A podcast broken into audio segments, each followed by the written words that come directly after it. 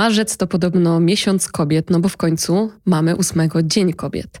I w związku z tym mamy wysyp różnych około kobiecych treści, y, więc postanowiłam stworzyć coś, co będzie moje, co będzie w takim stylu, w jakim y, zazwyczaj wyglądają sznurowadła, czyli w stylu może trochę krytycznym, może trochę zapraszającym do refleksji, y, zahaczającym gdzieś o, o refleksje filozoficzne, socjologiczne, psychologiczne i tym podobne. Także mam nadzieję, że ten odcinek dostarczy Wam też wielu pytań bo y, ostatnio ktoś chyba napisał do mnie czy skomentował, że to, o czym mówiłam, sprawiło, że ta osoba miała bardzo dużo wątpliwości, zaczęła podważać różne przekonania albo zdała sobie sprawę z tego y, w kontraście do moich y, refleksji, jak bardzo myśli inaczej. I chyba nawet odpisałam czy, czy, czy skomentowałam, już nie pamiętam, że to jest dla mnie największy komplement, jeżeli ten podcast sprawia, że, y, że nie przytakujecie i nie macie poczucia, że, że ze wszystkim się zgadzacie, tylko nagle sobie uświadamiacie, że, y, że coś was y, potem trapi, że potem dużo o tym myślicie, że zmieniacie zdanie albo utwierdzacie się w przekonaniu, że wasze zdanie jest inne niż moje. Dla mnie to jest największy komplement, bo to oznacza, że ten podcast robi swoją robotę, czyli zaprasza do refleksji. Także cieszę się, dziękuję i mam nadzieję, że ten odcinek również okaże się być taką okazją do, y, do sprawdzenia, jak wy myślicie o tym, o czym będę dzisiaj y, opowiadać w tej solówce. Czy się zgadzacie, czy nie, co z tego jest Wam bliskie, co z tego jest dla Was nowe, y, i może dzięki temu wszyscy jakoś kolektywnie będziemy częściej poddawać rzeczy w wątpliwość. Z tego miejsca bardzo dziękuję portalowi WP Kobieta, który zdecydował się wesprzeć ten odcinek swoim patronatem. Jestem bardzo wdzięczna, że będę mogła też dotrzeć do użytkowniczek, czytelniczek, słuchaczek, y, które, które są regularnymi y, czytelniczkami portalu WP Kobieta. Zapraszam Was serdecznie i mam nadzieję, że jeżeli jeszcze nie słyszałyście sznurowadeł, to że odnajdziecie się w tej przestrzeni jakoś i że zostaniecie ze mną na dłużej. Także bardzo, bardzo dziękuję za patronowanie temu odcinkowi. Dziękuję również moim patronkom, patronom z Patronite'a, którzy wspierają mnie comiesięczną subskrypcją. Jeżeli ktoś z Was chciałby dołączyć i otrzymywać taki comiesięczny newsletter z nowinkami ze świata kultury, to jak zwykle wszystkie szczegóły znajdziecie w opisie tego odcinka. No właśnie, ale o czym będzie ten odcinek, bo, bo jeszcze nie zajawiłam. Także zdradzę Wam i uchylę rąbka tajemnicy. Odcinek będzie o kulcie młodości i o kontroli kobiecych ciał jak już sam y, tytuł wskazuje, więc, y, więc w sumie to nie zdradziłam Wam zbyt wiele, ale y, postanowiłam poruszyć kwestię kultu młodości, który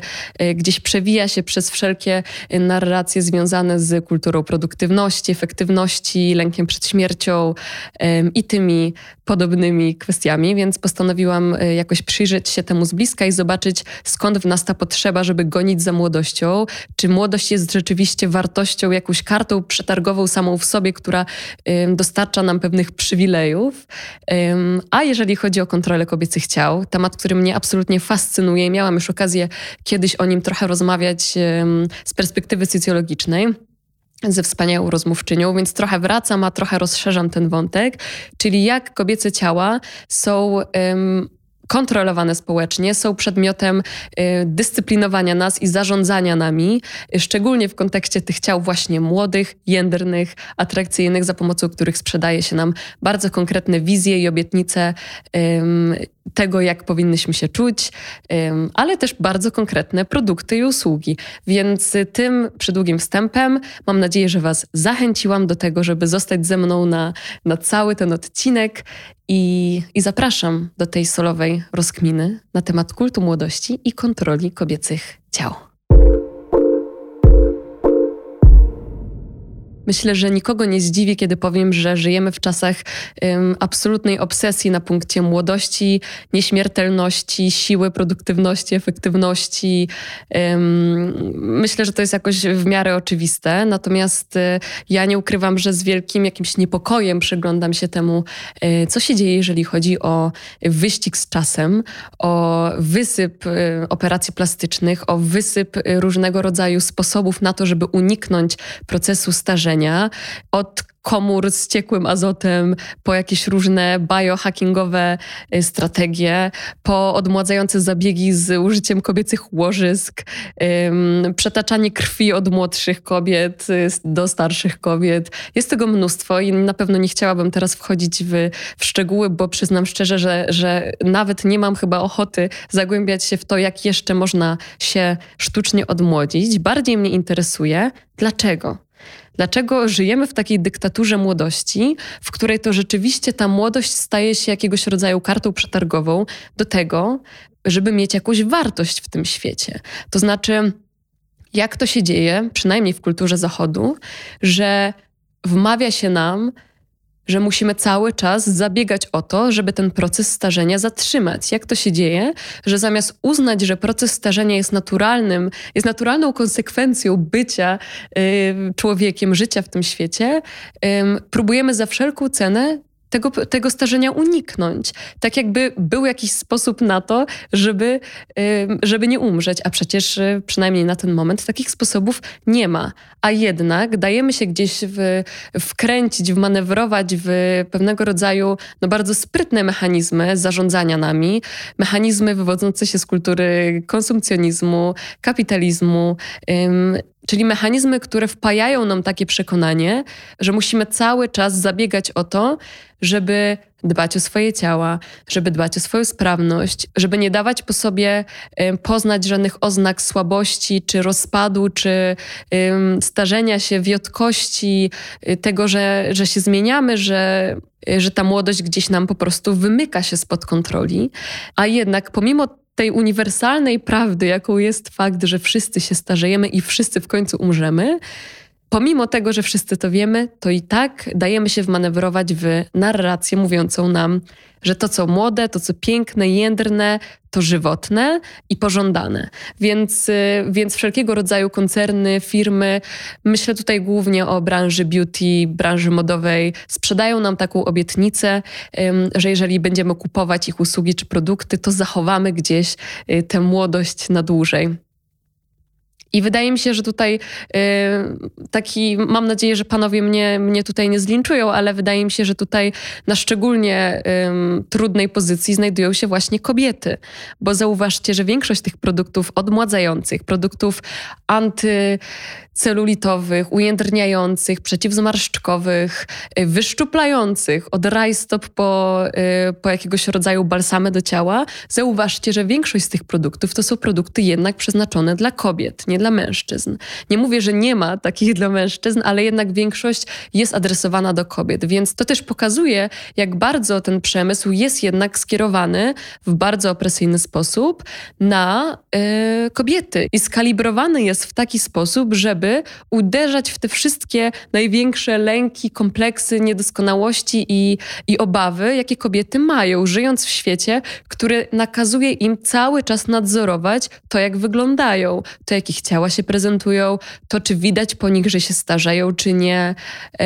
Popatrzcie, jakie to jest opresyjne. Popatrzcie, ile w tym jest y, jakiegoś zacisku,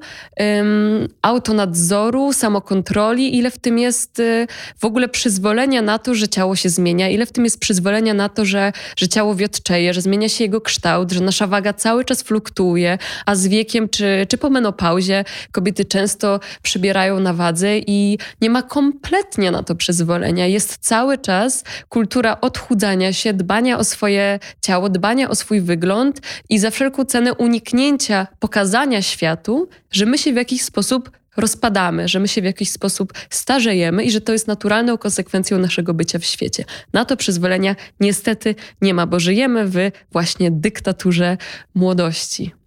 I mówię o tych kobiecych ciałach, o tych młodych ciałach, bo mam wrażenie, że im kobieta jest starsza, tym łatwiej jest ją usunąć z przestrzeni publicznej, a już szczególnie jeżeli chodzi o jej wygląd, o jej ciało czy o jej seksualność. I e, jakiś czas temu oglądałam film, który uważam, że e, w znakomity sposób gdzieś e, zaczyna przecierać szlaki przeciwko takiemu, takiemu właśnie założeniu, że, że stare ciało kobiece, starsze ciało nie ma w ogóle y, prawa być pokazywane w filmach czy, czy w telewizji jako ciało, które ma też swoje potrzeby, które też jest seksualne, które też ma potrzebę przyjemności, pożądania, które jest atrakcyjne. Tego naprawdę w ogóle nie ma. Y, a jeżeli jest, to w jakichś szczątkowych wymiarach. I ostatnio, ostatnio, myślę, że w zeszłym roku oglądałam taki film. Na pewno wiele z Was y, i wielu z Was o nim słyszało. Nazywał się Powodzenia Leo Grant. Good Luck to You, Leo Grant. Wydaje mi się, że Powodzenia Leo Grant to był um, polski tytuł. Z Emmą Thompson. Emmę Thompson, no ja znam z Harry'ego Pottera jako szaloną nauczycielkę. Czego to było? Wróżb chyba. Tak mi się wydaje. Niech mnie ktoś poprawi, jeżeli mylę, ale grała tam taką szaloną, nawiedzoną um, czarownicę. Natomiast w filmie Powodzenia Leo Grant gra 60-paroletnią, bo Emma Thompson ma już 63 lata, kobietę, która zaczyna na nowo oswajać się ze swoją seksualnością pod wpływem znajomości z dużo młodszym od niej kochankiem, który pozwala jej dostrzec siebie w zupełnie innym świetle. I już odkładając na bok to, o czym jest film i to, czy się zgadzamy z tym, co było tam przedstawione, to mnie totalnie ujęło, urzekło to, jak Emma Thompson y, jako aktorka po 60 bezpardonowo w filmie staje przed lustrem całkiem naga i ogląda to swoje ciało w lustrze i zaczyna dostrzegać jego piękno i zaczyna um, oswajać się z tym, że to, że jest kobietą po 60 nie oznacza, że ona powinna sobie odmawiać w ogóle prawa do bycia seksualną istotą, tylko dostrzega, że to jest po prostu jakiś etap życia, w którym ta seksualność jest inna, może jest trochę mniej um, frywolna, może jest trochę bardziej naznaczona zebranymi doświadczeniami życia, zebranymi doświadczeniami relacyjnymi, które też sprawiają, że z innego miejsca um, kontaktujemy się gdzieś z tą swoją seksualnością, a z drugiej strony, mając 60 parę lat, kobieta doskonale już wie, bo ma już dużo więcej doświadczeń niż jak ma lat 18 czy 25. Ona już doskonale wie, co lubi w łóżku, co jej sprawia przyjemność, co jest dla niej dobre i potrafi być dużo bardziej może świadoma i sprawcza w tym, jak daje, jaką przyjemność otrzymuje od partnera czy partnerki. Więc, um, więc taki rodzaj patrzenia też na kobiece starzejące się ciało jako jako jakąś taką kopalnię w ogóle wiedzy o sobie, doświadczeń i informacji na temat tego, jak chcemy być dotykane, całowane, co nam sprawia przyjemność, to to mi się wydaje być tak w ogóle uwalniającą i y, wzmacniającą perspektywą na, na, na kobiecą seksualność. Ym, z perspektywy właśnie ciała, które się jednak starzeje, że bardzo bym chciała, jeżeli macie takie poczucie, że brakuje wam starszych kobiecych ciał i ich seksualności w filmach, to bardzo bym chciała, żebyście zobaczyły, zobaczyli y, ten film i się może zastanowili nad tym, bo uważam, że Emma Thompson odwaliła kawał dobrej roboty w tym zakresie. Także polecam powodzenia Leo Grant. No i tutaj płynnie przechodzimy do aspektu, y, który, y, który na pewno zastanawia wielu, czyli y, do aspektu lęku przed śmiercią, który rzeczywiście jest jakąś taką um, siłą, jakąś mocą, która nas napędza do tego, żeby rzeczywiście um, za tą młodością gonić, żeby próbować za wszelką cenę znaleźć sposoby na to, żeby, żeby być nieśmiertelnym, żeby ten czas nas nie dotknął. I tak się z nim ścigamy, ścigamy, bo gdzieś głęboko myślę, że wiele z nas po prostu cholernie boi się się tego, że w końcu się skończy. Ta nasza skończoność, przemijalność jest absolutnie przerażająca. I parę miesięcy temu miałam okazję um, rozmawiać z Tomkiem, Tomkiem Stawiszyńskim, wam już na pewno doskonale znanym też z poprzednich odcinków, ale też z jego wspaniałych książek. Rozmowa się jeszcze nie ukazała, więc pozwolę sobie tak uchylić trochę rąbka tajemnicy. Mam nadzieję, że Tomek mi wybaczy, ponieważ rozmawialiśmy o śmierci. I y, w kontekście śmierci no nie dało się nie poruszyć kwestii kultu młodości. I Tomek w pewnym momencie mówi coś, y, coś bardzo ciekawego. Mówi o tym, że w postchrześcijańskim świecie wehikułem życia wiecznego nie jest już dusza, tak jak to było kiedyś, tylko ciało. Więc my wszystkie swoje siły i zasoby kierujemy na to, aby jak najlepiej zadbać o to ciało, po to, aby zapewnić sobie wieczne trwanie. Czyli cała ta y, kultura i ruch w stronę zdrowia, fitnessu, biohackingu, utrzymywania właśnie młodej, zdrowej, zdrowej, silnej, produktywnej, efektywnej sylwetki jest rzeczywiście swego rodzaju dążeniem do tego, żeby jak najdłużej trwać w tym świecie. I wydaje mi się, że jest to jakoś tak bardzo spójne i zrozumiałe z tym, jak kiedyś ludzie, no właśnie, dbali o swoją duszę, dbali o to, żeby wieść moralne życie, żeby żyć w zgodzie z tym, co im religia nakazuje. I ma to jakiś taki moralizatorski aspekt w sobie. Natomiast patrząc na, na to, jak nasza kultura postrzega procesy starzenia, czy, czy chorowania, czy umierania, czy po prostu stawania się um, coraz, to, um, coraz to bliższym temu, że, że w końcu z tego świata znikniemy, um, to Tomek też w naszej rozmowie wspomina o tym, że że w naszej kulturze traktujemy to starzenie się, czy chorowanie, czy umieranie jako skutek indywidualnych przewinień, a nie coś naturalnego. Więc rozpatrujemy śmierć w kategoriach błędu lub zaniedbania. I wydaje mi się to być też bardzo, bardzo ciekawą, taką otwierającą głowę perspektywą na to, jak bardzo my przypisujemy jednostce odpowiedzialność za to, że się starzeje, że choruje, że zaczyna słabnąć, więc dyscyplinujemy ją do tego, żeby za wszelką cenę utrzymywała jak najlepszą formę, dbając o siebie. I teraz nie mówię tego po to, żeby y, zniechęcić Was do dbania o siebie, dbania o swoje zdrowie. Absolutnie nie. Uważam, że y, jest ogromna wartość w tym i w ogóle ma to taki wymiar bardzo y, sprawczy dla mnie i dodający mi nadziei, że ja w młodości mogę dbać o swoje zdrowie, o swoją siłę, sprawność, kondycję, wytrzymałość, elastyczność i mogę dbać o to na tyle, że będę miała wpływ na to, jak moja starość będzie wyglądała. Oczywiście nie mam stuprocentowej kontroli nad tym, czy nagle nie zachoruję, ale jeżeli będę konsekwentnie dbała o to, żeby być zdrową w młodości, to mogę sprawić, że wzrosną moje szanse na to, że ta starość będzie dla mnie może trochę lżejsza, może utrzymam sprawność taką poznawczą dużo dłużej, bo będę stymulowała swój mózg nowymi aktywnościami, nowymi informacjami, będę się edukować, rozwijać, dbając o swoje ciało, może sprawię, że ym, później dopadnę napadną mnie jakiegoś rodzaju dolegliwości bólowe, jakby odkładaj, odłóżmy to na bok, bo ja absolutnie uważam, że jest w tym ogromna wartość i sama przywiązuję dużą uwagę do, do dbania o swoją kondycję o swoją sprawność um, na co dzień jako osoba młoda.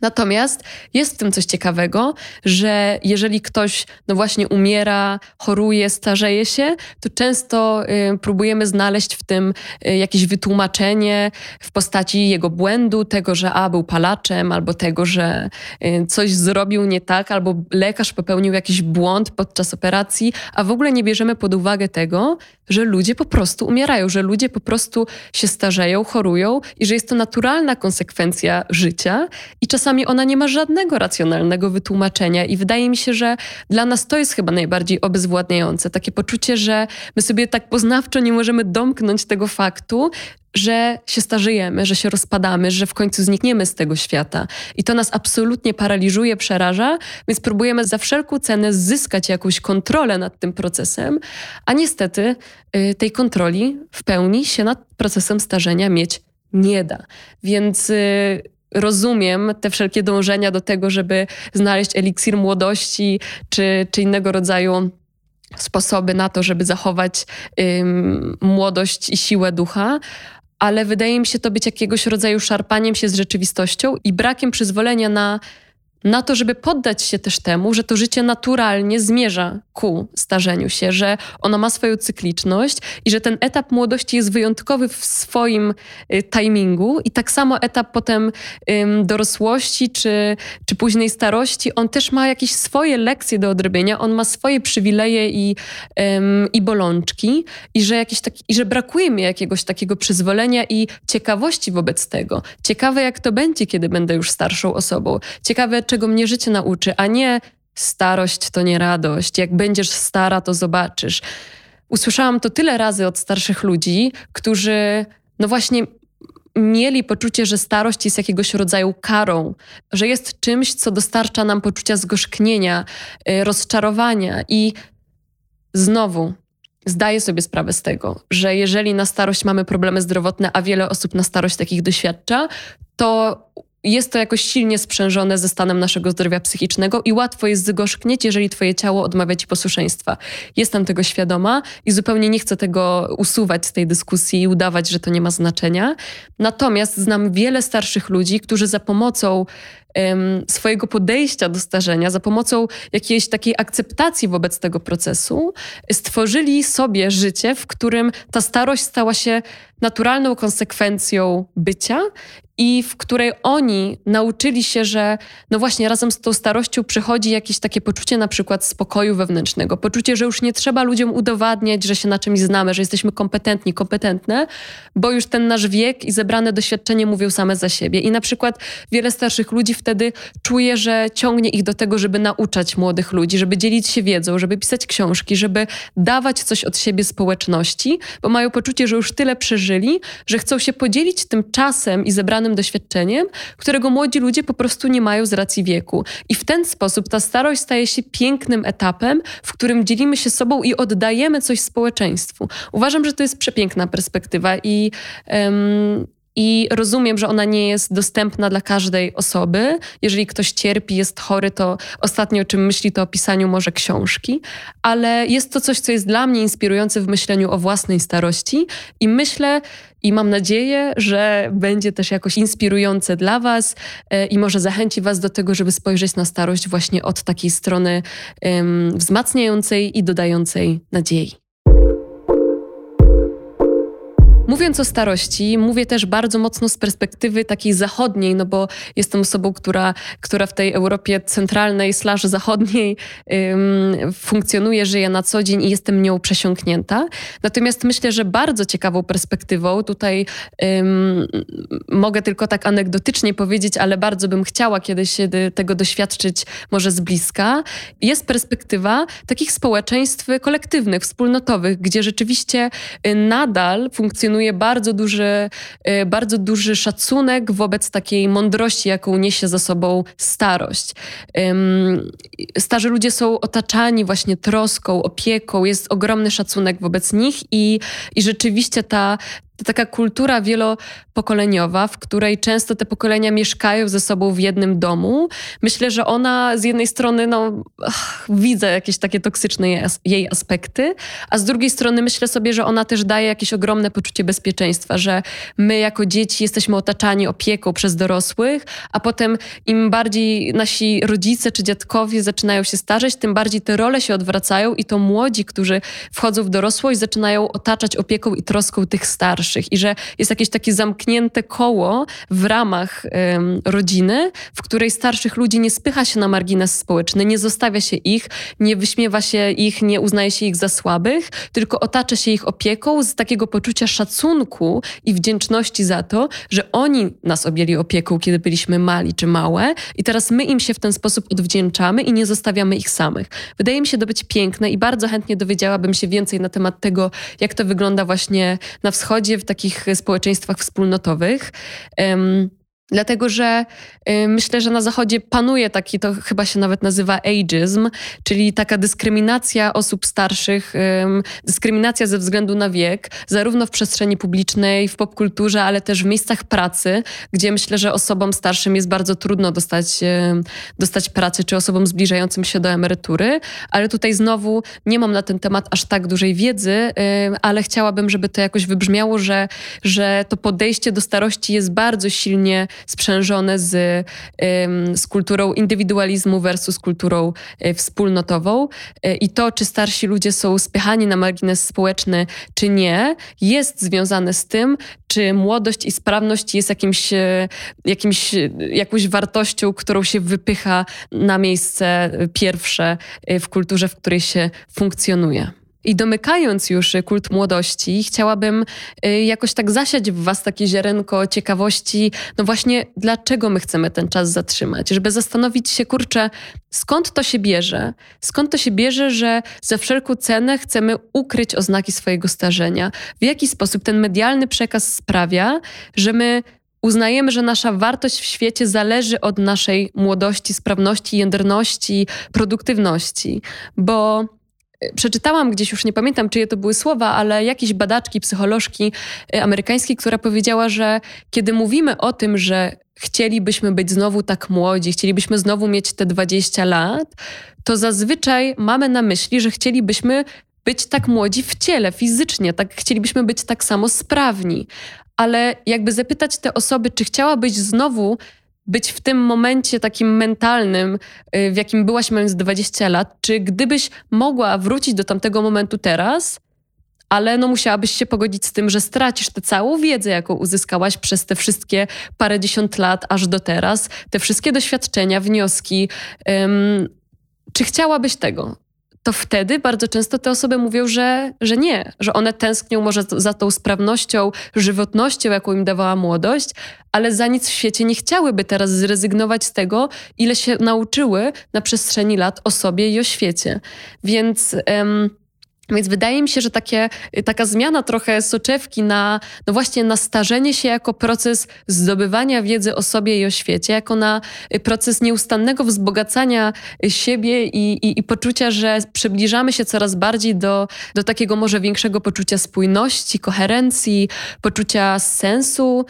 może poczucia, że zaczynamy, zaczynają nam się klarować bardziej nasze wartości, to po co my w ogóle jesteśmy w tym świecie, co my chcemy od siebie dać innym w tym świecie, że może starzenie się jest takim nieustannym procesem lepszego samopoznania, a nie czymś, czego trzeba za wszelką cenę uniknąć, żeby tylko zachować um, jak najdłużej tę młodość, bo wydaje mi się, że można popatrzeć na starzenie jako na taki no, piękny etap życia, w którym ta cała zebrana mądrość może być przekazana po prostu dalej, młodszym ym, pokoleniom. I, I jeżeli rzeczywiście ym, możemy sobie na to pozwolić, żeby o to swoje zdrowie dbać, żeby inwestować w swój rozwój intelektualny, emocjonalny, fizyczny, to ta starość może wcale nie być y, nieradością, tak jak to się mówi, starość, nieradość, tylko może być jakimś takim pięknym czasem, w którym zupełnie zmienia się nasze postrzeganie świata, w którym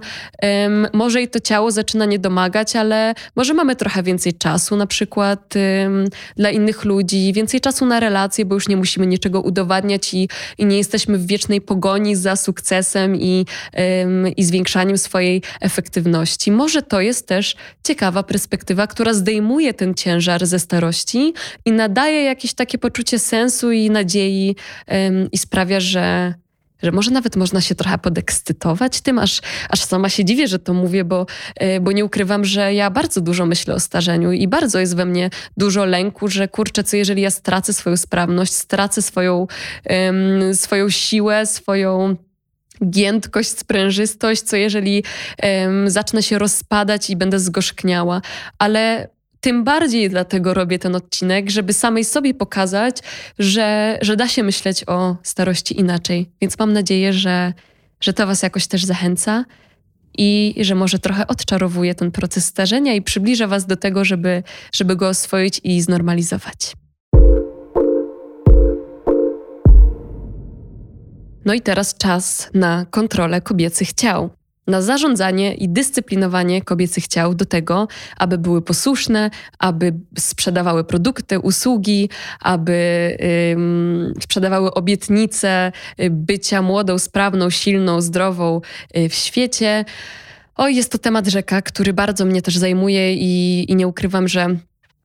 że siedzi mi na sercu, chociaż zdaję sobie sprawę z tego, że y, mając 26 lat, będąc y, zdrową, młodą kobietą, y, jestem absolutnie w pozycji tak zwanej uprzywilejowanej, ale tym bardziej uważam to, jakoś tak wewnętrznie za swój obowiązek, żeby o tym mówić, bo nie jestem w sytuacji, w której mnie to jeszcze tak dotyka. Nie jestem w sytuacji, w której jestem dyskryminowana za to, że, że nie jestem już młoda, więc chciałabym jakoś tak może wykorzystać ten fakt, że, że jeszcze mnie, mnie to nie dotyka, do tego, żeby, y, żeby się temu przyjrzeć, żeby poddać to jakiejś krytycznej analizie i żeby zobaczyć, czy da się w ogóle inaczej.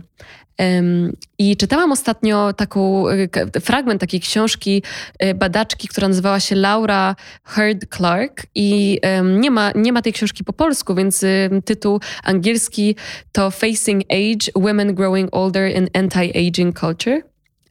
I był tam taki fragment, w którym Autorka mówi, że kobiety właściwie niezależnie od swojego statusu ekonomicznego czy od wieku, w dużej mierze wszystkie są nie, jakoś niezadowolone ze swoich ciał, ze swojej wagi i że jesteśmy rzeczywiście chowane, tresowane do tego, żeby się cały czas sobie przyglądać, żeby się monitorować, odchudzać, ujędrniać, wyszczuplać i że za pomocą właśnie konkretnych kosmetyków, yy, ubrań, które są specjalnie jakby w tym celu tworzone dla kobiet, a nie dla mężczyzn, jesteśmy jesteśmy dyscyplinowane do tego, żeby poddawać się wiecznemu nadzorowi i żeby upewniać się, że nasze ciała y, są gotowe do tego, żeby zostać pokazane światu. I mówiąc gotowe do tego, żeby zostać pokazane światu, oczywiście od razu myślę o, o bardzo znanej socjolożce płci, y, radykalnej feministce, y, którą myślę, że wiele z Was zna, czyli Andrea Dworkin która w swojej pracy Woman Hating mówi, że ani jedna część kobiecego ciała, ani jeden najmniejszy centymetr e, nie pozostaje nietknięty, niezmieniony i nie ma po prostu takiego kawałka ciała kobiecego, który nie wymagałby polepszania, aby móc go wystawić na światło dzienne. I tak jak męskie ciało jest gotowe do działania, takie jakie jest, wstaje i jest gotowe, tak kobiece ciało musi zostać najpierw wydepilowane, Musi być nałożone na nie make-up, e, pomalowane paznokcie. Kobiety w korporacjach muszą nosić obcasy. I jest, jest masa takich praktyk, które sprawiają, że kobiece ciało w formie naturalnej, w jakiej jest, z owłosieniem, bez makijażu, bez zrobionych włosów, y, hybrydy na paznokciach, ono nie ma prawa um, ujrzeć światła dziennego. Uważam to za strasznie opresyjne, okropne, um, przykre i oczywiście obecnie obserwujemy ogromny ruch y, przeciwko takiemu myśleniu i wiele kobiet już się nie goli, nie nosi make-upu i to jest piękne, ale ja uważam, że nadal jeszcze nam jest bardzo daleko do tego, żeby to było normą, żeby nie patrzeć na to jako na coś, co jest wielkim aktem buntu, tylko żeby to było dokładnie tak samo normalne, jak fakt, że idąc na, na siłownię czy na basen, widzisz facetów, którzy mają włosy pod pachami czy włosy na nogach. To nie powinno być w ogóle jakimkolwiek e, ewenementem, że kobieta ma włosy na nogach ale y, jeżeli jesteście ciekawe, ciekawi y, temu, jak właśnie to ciało podlega takiemu społecznemu performowaniu, to bardzo Wam polecam pracę Andrei Dworkin, bo myślę, że to jest ciekawa perspektywa. I oczywiście to się wiąże no, z takim um, medialnym kanonem piękna, takim bardzo niedoścignionym kanonem, w którym no właśnie kobiety mają y, botoks, mają zrobione usta, zrobione piersi y, i zupełnie nie bierze się wtedy pod uwagę faktu, że to ciało się zmienia, że to ciało tyje, chudnie, wiotczeje, starzeje się, y, tylko ta sylwetka musi być cały czas um, jędrna, młoda, napięta, zdrowa, seksowna i, i w związku z tym kobiety muszą się cały czas oglądać, ulepszać i upewniać się, że zasługują w ogóle na to, żeby to swoje ciało y, na przykład latem y, pokazać odkryte. No uważam, że to jest straszne i, i kiedy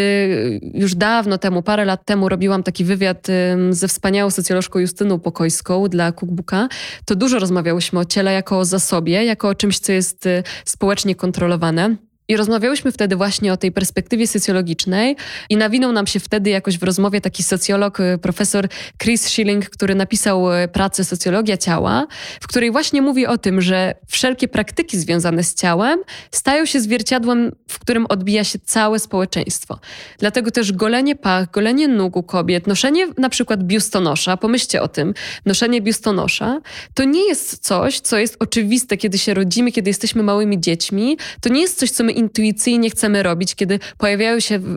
w, nas kształty, kiedy dojrzewamy, zaczynamy mieć piersi, to naszym odruchem jakby intuicyjnym, gdyby nas rzeczywiście wyizolować, wyjąć z, z kultury, w której funkcjonujemy, to naszym naturalnym, intuicyjnym odruchem nie byłoby kupowanie sobie biustonosza. Jest to coś, co jest nam jakoś wpajane w procesie socjalizacji i wokół czego widnieje bardzo dużo wstydu, że kobieta bez stanika jest jakoś, e, patrzy się na nią w jakiś krzywy sposób. Na pewno ja, e, ja to pamiętam, kiedy, kiedy byłam nastolatką, że dziewczynki jak zaczynały mieć piersi, to bardzo szybko czuły wstyd, że widać im te piersi przez, e, przez koszulki, że trzeba było kupować staniki i jakoś się, jakoś się w, tym, w tym dojrzewaniu ciała, w jego zmianie chować. Trzeba było się jakoś z tym kryć, bo, bo czuło się wstyd. I, i czuło się wstyd nie dlatego, że, że to wypływa jakoś naturalnie z nas, tylko właśnie w procesie e, przyswajania i nauki jakichś społecznych e, norm w kulturze, w której funkcjonujemy.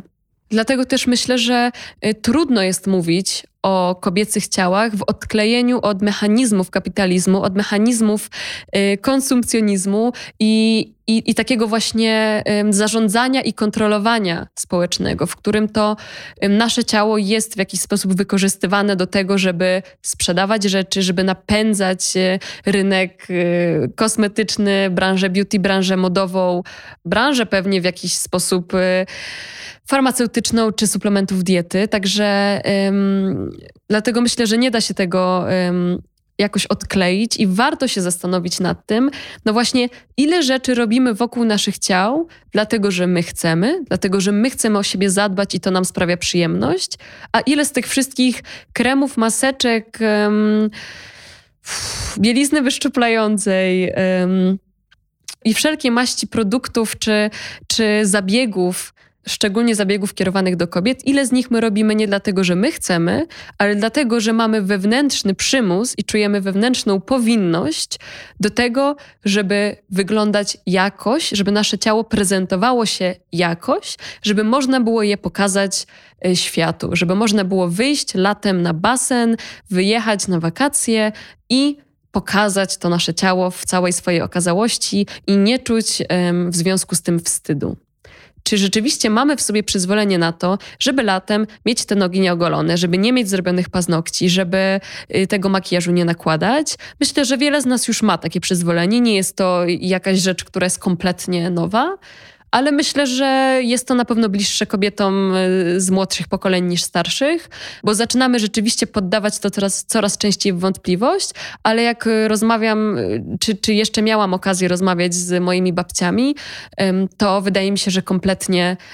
że kompletnie nie było takiej refleksji. To znaczy, że one robiły te rzeczy z automatu. Nakładały makijaż nawet jak wcale nie wychodziły z domu, nie miały na to ochoty, czy kręciły sobie te włosy. I nie zawsze robiły to dlatego, że chciały, tylko czuły powinność, że kobieta powinna tak robić, że kobieta powinna być zadbana. Że to źle świadczy o kobiecie, jeżeli nie jest zadbana. Dla mnie to się wydaje być jakieś absurdalne, kuriozalne i, i w ogóle nie mam takiego głosu w sobie i nie ukrywam, że no, że nie używam za bardzo make-upu na co dzień i nie jest to coś, co, co czuję, że jakoś mnie onieśmiela czy zawstydza. Natomiast kiedy rozmawiałam z, mo z moją babcią, to wydaje mi się, że wiele z takich praktyk y, ona zinternalizowała jako właśnie wynik bycia tresowaną przez y, kulturę, w której kobieta musi wyglądać jakoś. Kobieta nie jest gotowa taka, jaka jest do tego, żeby się pokazać światu. Więc bardzo was zachęcam do tego, żeby też zastanowić się nad tym, ile praktyk około cielesnych to są praktyki, y, które, które robicie z własnej, nieprzymuszonej potrzeby, a ile z nich jest odbiciem y, takiego właśnie kontrolowania, zarządzania i dyscyplinowania kobiecych, y, kobiecych ciał do tego, żeby performowały i, i, i za, za pomocą których można właśnie napędzać tę machinę wiecznego konsumpcjonizmu, sprzedawania i, i budzenia w nas takiego, takiego nastawienia, że jesteśmy niedoskonałe, więc musimy kupować pewne e, produkty czy usługi do tego, żeby się wiecznie polepszać i naprawiać, bo to wydaje mi się być bardzo um, przykre. I, i, I, bardzo bym nie chciała, żebyśmy, e, no kurczę, bardzo bym nie chciała, żebyśmy jako kobiety dalej, dalej jakoś karmiły taką narrację, że my musimy że my musimy zasłużyć na to, żeby być w tym świecie, że my musimy, że my musimy ten nasz wygląd cały czas naprawiać, ulepszać, żebyśmy mogły się pokazać. Bo może możemy, tak jak ta Emma Thompson w Powodzenia Leo Grant, y, z całym tym swoim bagażem doświadczeń, z tym wszystkim, co na ciele się zapisuje, od blizn po celulit, po y, rozstępy, po pieprzyki, po obwisającą po ciąży skórę, żebyśmy my z tym wszystkim mogły nawet się nie zastanawiać nad tym, czy można to pokazać, czy to jest wystarczająco apetyczne, tylko żebyśmy jakoś tak może uwewnętrzniły większą neutralność, jeżeli chodzi o ciało, ciało neutralność i żebyśmy mogły po prostu uznać, że ciało jest, że ciało jest takie, jakie jest, że jest wyrazem naszego bycia w świecie, że jest źródłem wielu informacji o sobie, jest ściśle związane z tym, jak odczuwamy własne emocje, jest naszym przewodnikiem po tym świecie i ono nie musi wyglądać jakoś. Ono po prostu jest. I ciało jest najbardziej nasze, jakie tylko może być. Jest największym, najbardziej wyraźnym, najłatwiej dającym się zidentyfikować wyrazem naszego bycia w świecie. Więc po co je cały czas stresować i opieprzać, jeżeli można je uznać za najpiękniejszy w ogóle dar i możliwość bycia w świecie, realizowania się w tym świecie, wchodzenia w relacje, yy, czucia siebie w świecie, czucia drugiego człowieka, dawania, otrzymywania przyjemności, yy, doświadczania tego, że jesteśmy istotami seksualnymi, właśnie za pomocą naszych ciał. Przecież możemy tego doświadczać. Kurczę, bardzo bym chciała, żebyśmy się tak powoli, powoli zbliżały, zbliżali do, do takiej perspektywy na, na ciało, nie tylko kobiece, męskie też, ale kobiece szczególnie, bo to kobiece ciało dostaje, y, dostaje niestety tak często po przysłowiowej głowie. I tym miłym akcentem kończę ten odcinek. Mam nadzieję, że, że zarówno ta perspektywa kultu młodości, dyktatury młodości, jak i kontroli, zarządzania, dyscyplinowania kobiecych ciał do tego, aby jakoś performowały, mam nadzieję, że obie te, obie te y, kwestie jakoś z wami zagrały, że coś wniosły do waszego życia, że może sprawiły, że uświadomiłyście, uświadomiliście sobie, że się ze mną nie zgadzacie i tym bardziej y, to jakoś skontrastowało wasze przekonania. Jeżeli tak tak, to również jestem z tego powodu bardzo szczęśliwa, a może po prostu dostarczyło Wam to jakichś nowych, um, nowych informacji do tego, żeby zastanowić się nad, nad własnym zachowaniem, nad własnymi przekonaniami, nad tym, jak Wy postrzegacie starzenie się, jak Wy postrzegacie um, młode ciała, seksualność starszych ciał, um, co, wam to, co Wam to robi, co Wam to mówi. Jak zwykle zachęcam do tego, żeby się tymi refleksjami dzielić Jestem na Instagramie sznurowadła.myśli dla wszystkich nowych słuchaczy, bo może są tutaj osoby, które mnie poznały przez partnera tego odcinka, czyli portal WP Kobieta. Jeżeli są tutaj nowe słuchaczki, to rozgoście się, zapraszam Was do tego, żeby przesłuchać też innych odcinków. Jeżeli ten Wam się spodobał, to na Instagramie sznurowadła.myśli znajdziecie dużo takich rozszerzających odcinki treści, także odsyłam tam, jeżeli jesteście ciekawi, ciekawe. Dziękuję raz jeszcze za to, że słuchacie, że jesteście, że ten podcast e, wnosi jakąś wartość do waszego życia i że mówicie mi o tym, bo, bo zawsze jak dostaję takie wiadomości, maile czy komentarze, to, to, to wzmacnia we mnie to przekonanie, że warto jest to robić, że warto jest się dzielić sobą e, w tym świecie i że to jakoś e, ludziom pomaga. Mam nadzieję, że ten odcinek był przydatny i my słyszymy się już w kolejnym odcinku.